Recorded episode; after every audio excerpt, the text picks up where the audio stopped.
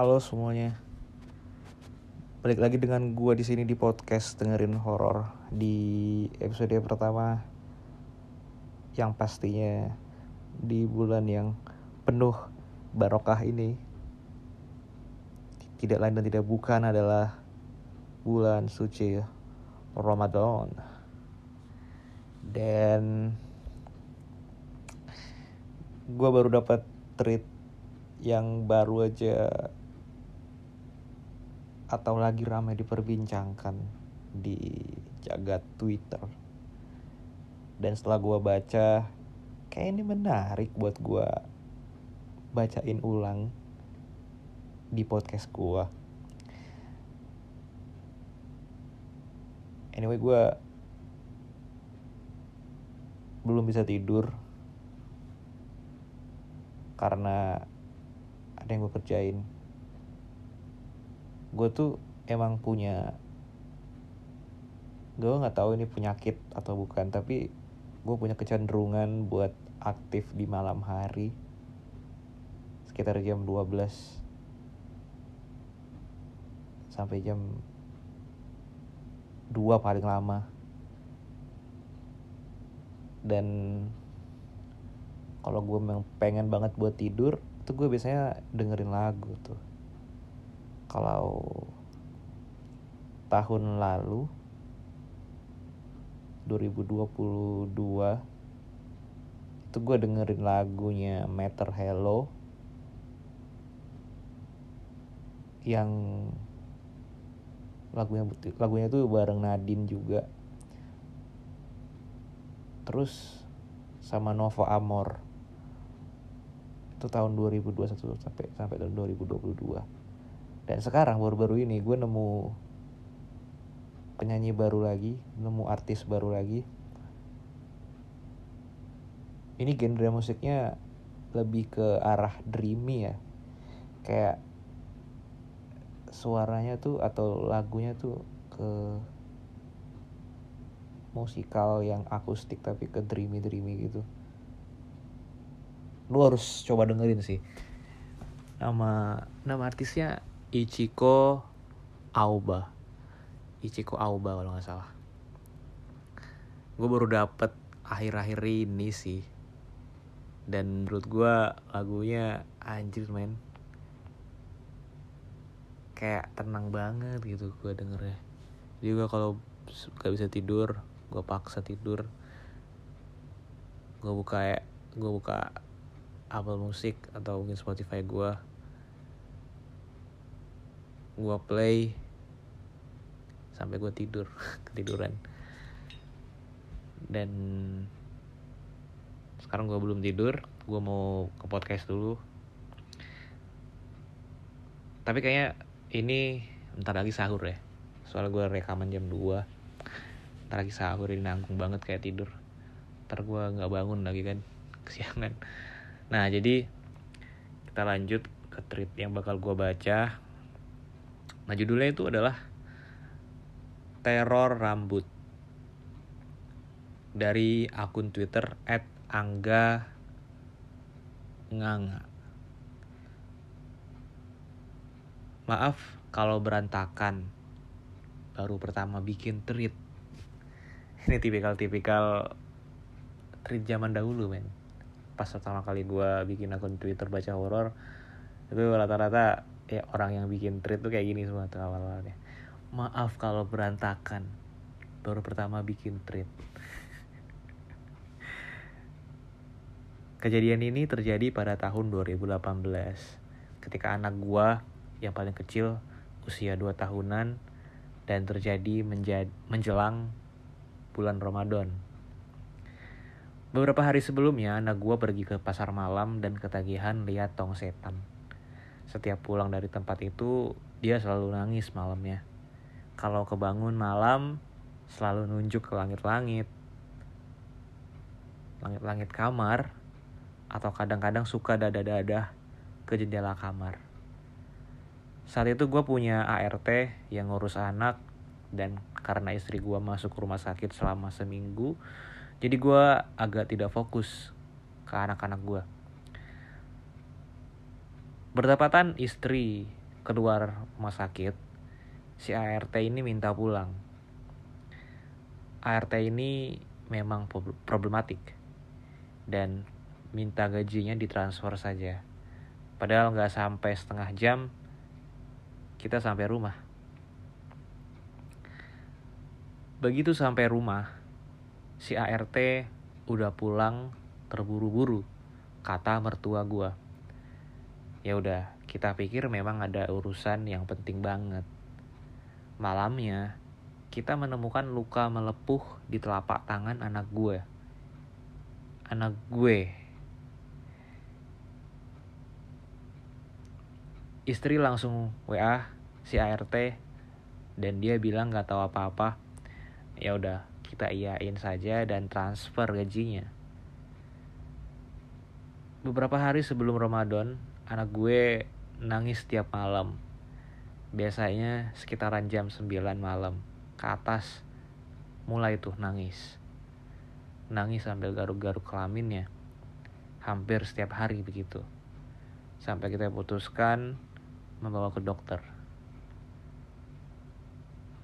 Terus ketika cek di dokter nggak ada apa-apa dan kita beri salep untuk dioleskan jika gatal kembali.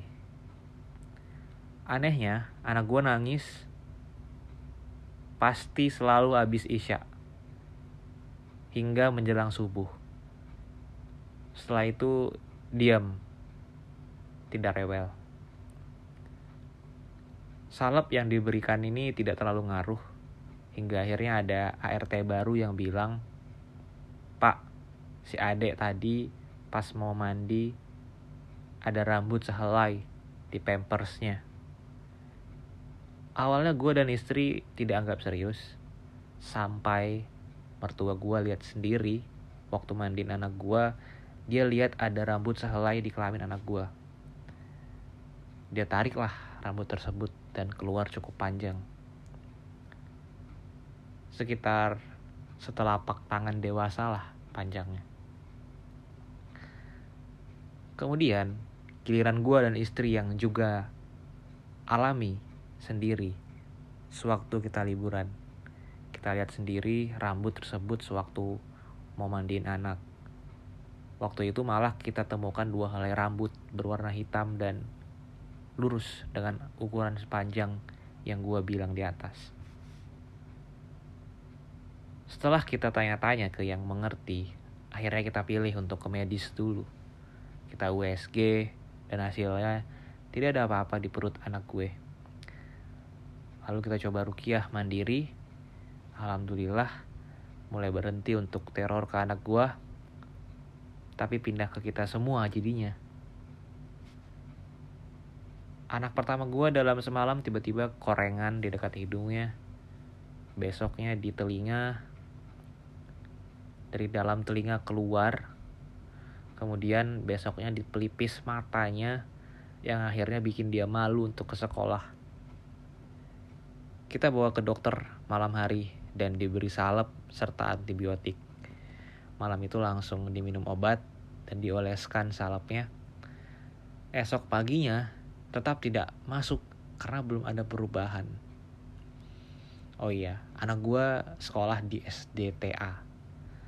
Jadi setiap bakda zuhur harus kirim hafalan Al-Quran. SDTA itu kalau di tempat gue namanya SDIT kalau nggak salah ya zaman gue sekolah dasar Islam terpadu. Kayaknya sih kayaknya sih ya. Dia sekolah dasarnya lebih ke arah Islamik gitu. Mungkin ini sama atau mungkin beda tapi gue kayaknya iya sih Kayak sama. Oke. Okay. Hari itu dia harus setor surat al-jin. Siang hari gue balik dari kantor karena memang usaha sendiri. Sampai rumah si ART bilang, anak gue baru aja muntah banyak. Gue lihat di kamar mandi memang masih ada bekas muntahannya. Dan gue lihat anak gue ngos-ngosan dan lemas banget. Karena gak tega, gue suruh dia tidur di kamar dan setorannya ditunda dulu. Oh iya, obat baru sekali diminum dan salep baru sekali dipakai. Alhamdulillah malamnya kering korengnya dan keesokan harinya semua kering. Bahkan di telinga pun dan di hidung hilang tanpa bekas. Akhirnya gue konsul ke ustadznya. Ke ustadz dan hal yang pertama yang ditanya ustadznya adalah apakah bapak atau ibunya sering posting foto anak-anak di sosmed. Singkat cerita, kita mulai take down semua foto anak-anak dan mulai sering ngaji di rumah. Terlebih rutin membaca Al-Baqarah. Apakah teror selesai? Tidak. Beberapa teror rambut yang masih kami alami dan gue ingat di bawah ini yang pertama, gue beli tempe mentah dan gue tepungin, kemudian gue goreng. Ketika gue mau makan, ada rambut panjang di dalam tempe tersebut. Yang kedua, gue beli semangka bulat utuh di supermarket. Kemudian gue belah dan potong kotak-kotak untuk anak gue. Di dalam potongan kotak tersebut ada rambut lagi. Yang tiga, gue gua beli cakwe di abang-abang. Pas anak gue mau makan ada rambut panjang lagi di dalam cakwenya di dalam batang cakwenya. Anak gue minum es teh manis di rumah.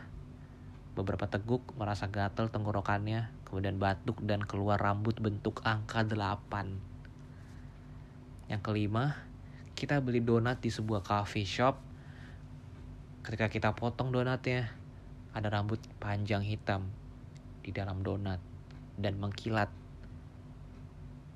Bukan yang tercampur di adonan donat. Untuk kali ini gue sempat bahas sama baristanya dan dia bilang mau bantu untuk tanya ke ustadznya. Yang keenam, pernah juga rambut kita temukan dalam snack yang dijual di supermarket. Terus waktu beli popcorn di bioskop juga kita temukan. Terus istri ketika jalan kaki tiba-tiba tali sepatunya lepas. Saat saat mengikat tali sepatunya ada sehelai rambut jatuh di atas sepatunya dan masih banyak lagi kejadiannya hingga saat ini kami masih sering menemukan rambut-rambut tersebut. Namun memang sebatas di luar tubuh aja alhamdulillah tak kenapa bisa begini apakah kebetulan atau ada faktor X sebagai berikut yang pertama, faktor X-nya.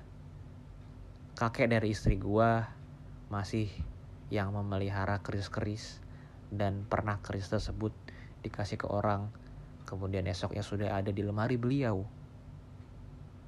Dan yang kedua, rumah yang gue tempatin sekarang sempat kosong 6 tahun. Yang ketiga, kami sebagai orang tua yang sempat suka dengan tontonan gaib dan mistis. Apa pun itu, Semoga teman-teman sekalian tidak mengalami hal seperti kami dan doakan kami dapat menyelesaikan masalah ini. Amin. Terima kasih atas responnya dan masukannya. Rumah yang kami tinggali memang tidak ada selamatan, tapi rutin kami baca zikir pagi, petang, dan untuk ngaji. Untuk ruqyah, keahlinya, memang saya belum bawa anak saya ke sana, tapi hanya rukiah mandiri. Saat ini masih kondusif, hanya sesekali masih sering ada. Untuk yang bertanya, hubungan pasar malam dan ART, anak saya pertama kali melihat aneh-aneh tersebut sepulang dari nonton tong setan di pasar malam. Untuk ART sempat istri marah-marah ke dia karena mengaku tidak tahu kalau telapak tangan anak saya luka namun semoga itu bukan ulahnya yang sakit hati. Hmm. Hmm, plot twist lagi men terakhir ya. Jangan-jangan ART-nya marah ya. Sakit hati kan. Tapi ada dua eh, ada ada faktor banyak sih ya tadi dibilang sama yang menulis.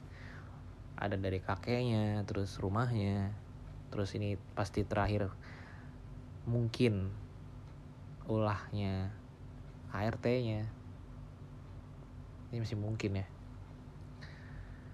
Dan itu udah, itu udah akhir dari tweet ini.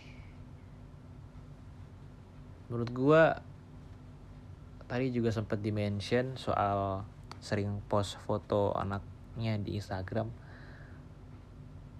Entah gue nggak percaya atau mungkin gue belum percaya tapi kayaknya itu nggak ada sangkut pautnya sih.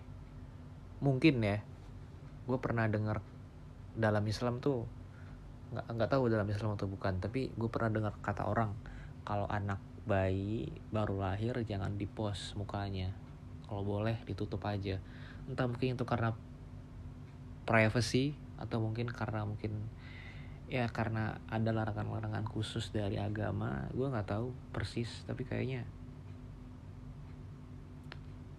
menurut gue ya pribadi nggak ada hubungannya sama itu. Sama posting-posting foto di Instagram.